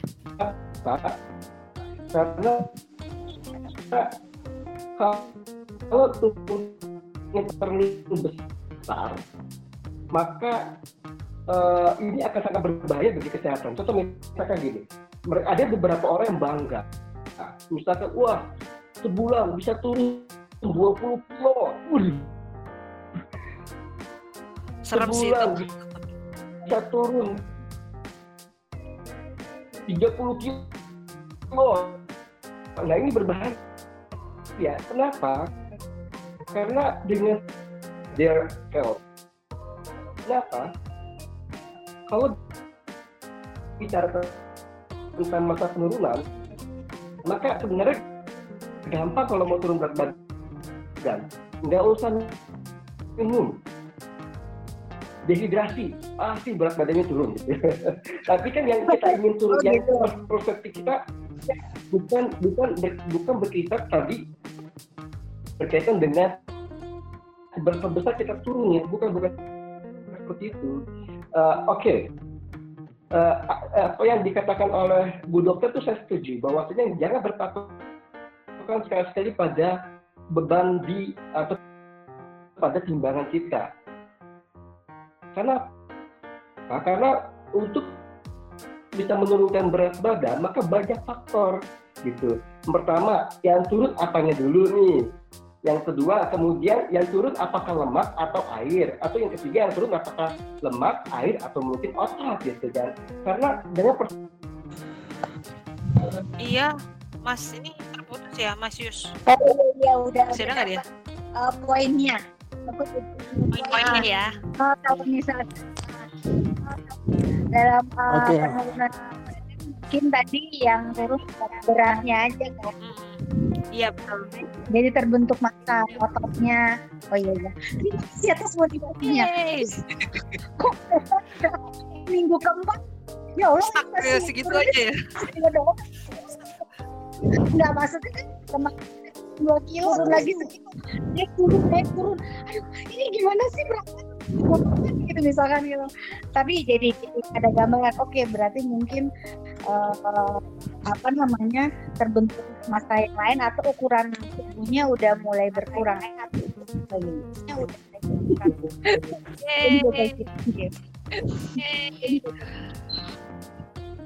Hai Devi. Oke, terkait dengan freelance, aku mau tanya dong di Jakarta ada nggak eh, perkumpulannya atau mungkin saya searching atau ada info dulu nih sebelum saya searching dari Nanang atau Mas Yus atau eh Mita. Eh, ya. Indo Sweet Camp. Oke, Indo Sweet Camp ya. Infonya ada, Oke, katanya. Terima kasih nanti. Oh enggak enggak. Info- Sorry? Infonya ada, tapi eh, latihannya di Senayan, bisa dicari di situ katanya Istora. Kayaknya kalau di Jakarta di itu banyak deh. Karena kan di Jakarta di GBK itu ya kalau tiap malam itu banyak yang eh, apa namanya yang walkout walkout gitu. Iya, aku tahu kamu anak GBK. Dancing. Eh, enggak enggak, saya anak Ahmad Yani alun-alun seperti Om Rama dan yang lainnya. Kalau di Tangerang kan alun-alun Ahmad Yani Baik. dan Kalian anak Tangsel ya. enggak anak Tangsel, Tangsel Bang. ya. Anak anak Tangerang Raya. Anak Tangsel itu gue bang. Oh, Tangerang Raya. Anak Tangsel. deh, jangan ngotot kalian ya. Tangerang Raya. Baiklah, terima kasih infonya. Mungkin eh, selepas ini, mungkin selepas lebaran atau apa nanti saya akan coba. Mudah-mudahan bodiku menjadi ini lebih bukan jangan bagus lagi Bang. lah. Harus harus coba bang. Tapi sama kamu ya. Di uh, Freetek itu ada aplikasi. Baik, terima kasih. Sendiri juga bisa. Rame-rame. Ya, terima kasih Mas semuanya. Oke, eh, di sini ah, Bang Bang Rahmat udah live ya. Oh, Baik. ada Mas Rahmat. Udah out ya. Eh, mungkin ada gangguan. Ada Om Rama. Oke. Ada kayaknya. Ada, Ada ada. ada. Ya. Terputus. Udah masuk lagi nih Om Rama. Oke, mungkin. Baik. Baik. Baik, Om Rama, silakan. Dilanjutkan lagi kembali ke Miftah. Tadi sampai mana ya? Oke. Mungkin aduh lupa. Oh ya tadi ya tadi. Oke. Oh, iya. Badan Mas ya. Rama sendiri anak Tangerang apa? Jadi, ya? ya. Gimana? Oh iya. Oh, freelatik. Kalau Oh, kan tak Mas Rama gabung sayang gitu kata pepatah. Mas Rama Silakan. gabung dong jadi itu jadi local guys itu kayak indah tuh gue suruh jadi local guys juga ya boleh boleh. Iya, Ya, siapa? betul. Ah, Ya dulu Mifta, Mifta, Nanang, kamu segera direkrut ya. Rama jadi anak local guide. Ya, segera direkrut Rama jadi anak local guide. Ya. Ini nanti banyak sini grup-grup grup-grup siram nanti akan ada nanti. Ya, Eh, baik. Kembali ke dokter sama uh, Mas Nov, Mas Raden. Mas Raden udah nggak ada ya? Ada. Kembali ke dokter Del. Silakan. apalagi kayaknya yang di sharing mah udah aku cuman itu ya apa mengingatkan pertama buat diri sendiri udah pasti. Kalau ngingetin diri sendiri ngingetin orang lain kan juga enak ya.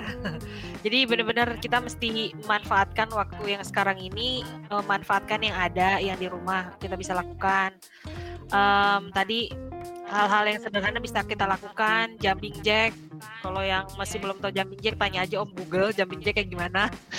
Hal sederhana yang bisa buat kita tapi mungkin em, kita punya ekspektasi juga. Nggak mungkin seperti yang kemarin-kemarin gitu. Jadi setidaknya kita mesti ada workout aktivitas eh, karena itu juga akan merilis tension kemudian merilis endorfin hormon happy jadi otomatis imunitas juga akan berdampak positif gitu. Jadi mungkin itu sih saran ya dan makan ya dilihat-lihat lah sering-sering ngaca. Kalau misalnya kita lihat kayaknya gue pengen segini lagi ya jangan makan banyak-banyak gitu. Itu aja udah mie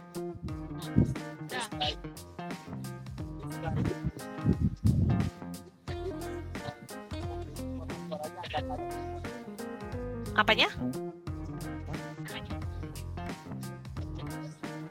Oh gitu. Oh, suara kita semua ini yang eh, yang udah terjadi. Kok udah selalu terjadi sih Nana. terus terjadi. Oke deh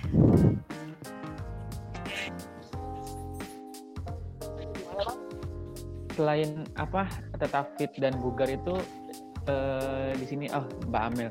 Boleh ini nggak sih sharing-sharing menu makanan yang sehat juga? Apa saya belum dengar tadi? Nggak salah juga sih Mip. Eh, yang murah tentunya ya Mip. Karena karena karena tukang sayur depan aja kayaknya udah mau kayak udah mau apa? Kayak eh Mas Brian Halo. Halo, sorry baru gabung. Baru kelar yang di Batu. iya Mas sorry tadi aku duluan Mas Udah. Nah, jadi Iya, kalau aja. Eh,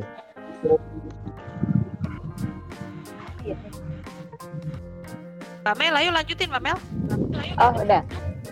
Nah, ngejawab dari pertanyaannya Bang Raja, sebenarnya kita tuh bersyukur banget ya karena Indonesia tuh opsi makanannya lebih banyak gitu kan.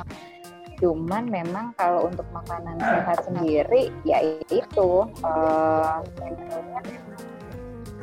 sayur dan, dan buah. Jadi banyak kan kalau kita malam-malam tuh eh, lapar gitu kan. Tapi pilihan kita kenapa nasi goreng lewat gitu atau enggak i- indomie goreng gitu atau indomie kuah gitu. Nah itu yang mesti mindsetnya udah harus diganti.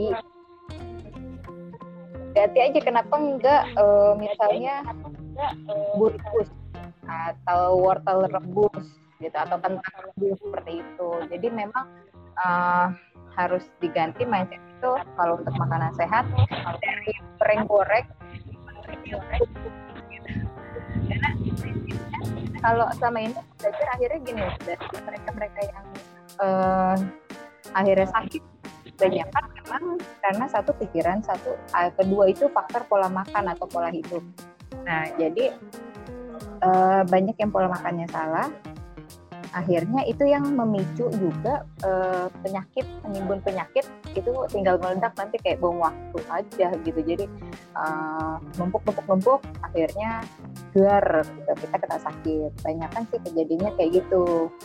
Nah akhirnya memang prinsipnya lebih mudah untuk uh, melatih makan sehat daripada makan enak. Kalau dari makan sehat dari makan enak ke makan sehat uh, biasa makan enak ke sehat itu susah. Tapi kalau biasa makan sehat mau makan enak tuh gak, lebih gampang gitu loh. Jadi itu prinsipnya. Jadi uh, mindsetnya mulai diganti itu yang goreng-gorengan berminyak terus tepung-tepungan. Ternyata tepung itu juga gak baik gitu kan. Gula-gula. Jadi memang yang alami dari makanan. Nah makanan juga sekarang ternyata banyak juga gitu hari gini karena proses permintaan barang banyak prosesnya dipercepat kayak gitu kan. Misalnya makanan yang disuntik agar apa ayam-ayam yang disuntik yang biar agar mempercepat proses tersedianya uh, apa bahan makanan di pasar seperti itu kan atau telur-telur. Nah emang itu juga itu jadi concern.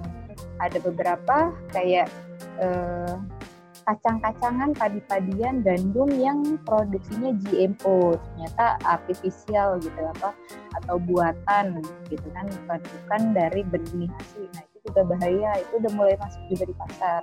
Jadi memang harus diperhatikan buntut-buntutnya kalau emang hidup sehat biasanya kita akan mulai memperhatikan uh, dari mana sih asal makanan itu terproduksi gitu. Emang agak rumit, agak agak agak agak rumit sih sebenarnya. Cuman kalau kitanya balik lagi ke kitanya gitu maksudnya seberapa pengen sih hidup sehat gitu, seberapa pengen sih nanti tuanya ya misalnya kayak jangan sampai kena penyakit gitu kan. Hmm, jadi ya itu pasti lama-lama kalau kita rajin baca memang tahu sendiri gitu. Uh, oh ini opsinya ya ini tidak ini ya ini tidak. Akhirnya mau proses pemilahannya ke sana gitu. Itu bang Raja. Iya aku aku nambahin nambahin satu lagi kali yang terakhir. Um, apa namanya kalau yang sederhana adalah kita melihat makanan itu adalah kalau kita lihat dia prosesnya nggak banyak. Kalau misalnya kita bilang ya, makanan ini, misalnya kita lihat martabak, Makin martabak tuh apa aja sih? Nah, martabak tuh ada ada tepungnya, ada telurnya, ada margarin, ada gula, apalagi ya, ya itu kan. Ya, nah, kemudian habis itu diproses. Tapi kalau misalnya kita kasih sepotong, gak usah sepotong, misalnya satu buah apel, dia nah, terdiri dari apa sih? It's only apple, jadi nggak ada proses. Nah, memang um, apa namanya mindsetnya ke arah sana dan tidak mudah. Kita dibesarkan dengan hal-hal yang seperti itu. Yeah. jadi ya uh, bertahap aja di, dikurangi aja. Benar. saya juga ngurangin kayak gitu. Saya masih masih makan gorengan terutama pempek penggila. Tadi gue habis pesen sama mbak Devi anyway. Uh, masih tapi ngurangin banget dan kalaupun misalnya pakai minyak goreng minyak gorengnya juga udah nggak pakai yang sawit pakai yang kelapa emang harganya iya. empat kali lipat tiga kali lipat minimal. Tapi ya ya itu maksudnya kalau masih mau kalau enggak ya udah either itu direbus dikukus atau apa. Dan sebenarnya justru persiapan untuk makanannya kan lebih simpel anyway sih. Iya. Yeah. uh, kayak apa kayak yang aku kerjain sekarang tuh udahlah semua dicampur-campur aja di blender di dalam juga udah kecampur anyway gitu. Kadang-kadang kita um, entertain lidah banget tetapi ya namanya hidup ya tetap kita mesti enjoy. Jadi uh, apa namanya prosesnya berpikirnya bahwa ini kalau dia diproses lebih banyak berarti sebetulnya zat gizi akan berkurang. Satu hal lagi kalau misalnya kita lagi belanja groceries biasakan melihat um, AKG melihat ininya uh, angka gizi kadang-kadang tulisannya um, apa namanya free sugar tapi pas kita lihat di situ sebetulnya ada gula buatan sama aja gitu. Jadi uh, mungkin hal-hal itu bisa kita mulai karena kalau kita nggak mulai dari sekarang kapan lagi? Kalau bukan kita siapa lagi? Cie. gitu sih. Gitu aja. Kayaknya udah malam. Nah, caranya kembalikan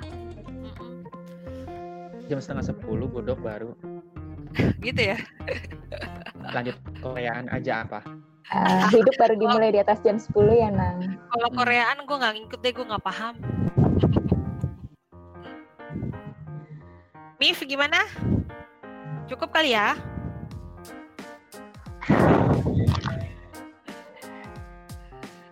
Iya, gitu deh. Itu. Eh, uh, ini itu uh, Mas Brian yang Brian uh, Mas Brian Jogja. Oh, boleh dong. Bo boleh dong sharingnya di di Jogja seperti apa ininya. Batu, Jogja mulu. Batu, Malang. Malang oh, Batu. Oh, sorry, sorry, sorry. sorry. sorry oh, iya. Iya, Nanang. Semuanya bata. Lari semuanya bata deh. Aduh, aduh. Iya, aduh. Nanang. Iya, teman-teman. Terima ya, kasih teman-teman. Saya mau nyapa dulu nih uh, tamu kita dari jauh-jauh dari Batu, Mas Brian. Welcome to our virtual hangout. Halo. Halo. Halo, ya. Mas Brian. Iya. Um, Ada yang mau... saya taruh.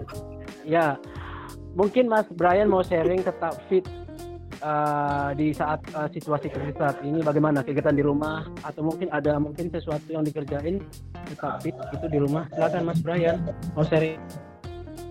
Kalau uh, oke. Oke terima kasih uh, Mas Nanang Mas Adi Nugraha Bio Halo. Bio Kota tambah lemure tim tim rebahan itu tim rebahan. Itu kan rebahan kan? Uh, du, du, uh, du mohon maaf nih du mohon maaf du uh, mundur dikit du kameranya du La, layar layar gue semuka enggak enggak layar gue semuka muka lu. Iya wajah kameranya. wajah semua ya baik. Iya. Kameranya udah dari atas. Full face full face. Baik mas ya mas Brian biasa anak-anak nah, bercanda. gitu, anak-anak zaman now. Silakan kembali ke Mas Brian. Silakan. Ada yang yeah, Brian. Oke, oke. Oke, thank you. Uh, jadi saya udah work uh, udah WFH udah satu bulan ini ya hitungannya. Jadi uh, dalam satu bulan ini ya uh, kita ikuti anjuran pemerintah tetap di rumah selama uh, yang di apa di uh, ini kan pemerintah dan juga ya karena saya tinggalnya di perumahan ya jadi stay at home-nya nggak terasa banget. Dalam kondisi biasa dalam kondisi uh, kondisi sekarang nggak nggak nggak jauh beda pemandangannya kalau di rumah. Cumanya biasanya kita pagi berangkat kerja sore pulang udah capek tidur besok kerja lagi. Sekarang eh, bedanya pagi kita cari ide untuk eh, apa kerjaan apa yang harus kita selesaikan terus eh, workoutnya seperti apa sampai sore. Itu kayaknya cukup menyita eh, ide juga. Karena apa? Karena di samping kita harus uh, apa ya bikin kegiatan satu hari kita juga harus sekeluarga kayak gimana sih yang harus di apa dikerjain biar nggak bosan di rumah. Tapi yang cukup mengherankan ketika kita udah bercoba bertahan di rumah ternyata ketika kita keluar ke jalan di jalan pemandangannya kayak seperti hari-hari biasa tetap rame lalu lintas tetap juga banyak kendaraan akhirnya begitu kita kembali ke rumah kita jadi loh kok orang-orang di jalan pada nyantai ya? Ada yang nggak pakai masker ada yang nggak pakai ya banyak lah tapi ya itu tadi kembali ke ke kita sih kita mau tetap uh, sesuai anjuran pemerintah kita jaga jarak kita tetap di rumah atau kita membebaskan diri kita untuk keluar satu yang jadi PR saya sebenarnya salah satu anggota kita adalah perawat di rumah sakit. Dan saya selalu uh, support dia baik uh, secara apa uh, saya update terus posisinya di rumah sakit kayak apa. Terus yang kedua juga uh, kita selalu uh, mencoba di di apa di komunitas kita kayak apa sih kepeduliannya untuk uh, mengikuti anjuran-anjuran uh, di rumah saja dan ternyata sebagian besar teman teman-teman kita juga tetap di rumah Ya karena itu tadi uh, salah satu anggota kita juga yang perawat ini juga uh, sangat menyarankan agar semua anggota tetap di rumah. Tapi ya itu tadi beratnya kalau udah udah kita keluar kita ke jalan. Ya di jalan ya udah nyantai aja mereka. Nggak ada yang uh, kelihatan apa ya. Ya nggak nggak se, se uh, sesepi kita di rumah lah. Itulah yang mungkin jadi jadi PR kita semua. Uh, kalau sebagian sebagian aja yang stay at home tapi lainnya enggak itu mungkin jadi PR yang luar biasa untuk kita semua. Gimana kita bisa memerangi COVID ini secara bersama-sama. Mungkin mungkin itu yang jadi jadi P, jadi PR kita. Dan yang kedua yang paling penting adalah gimana caranya kita bi bisa tetap fit ya di rumah itu ya.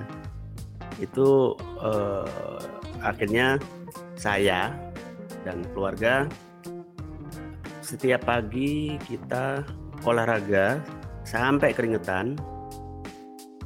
Setelah itu baru balik kerja lagi, kerja di rumah.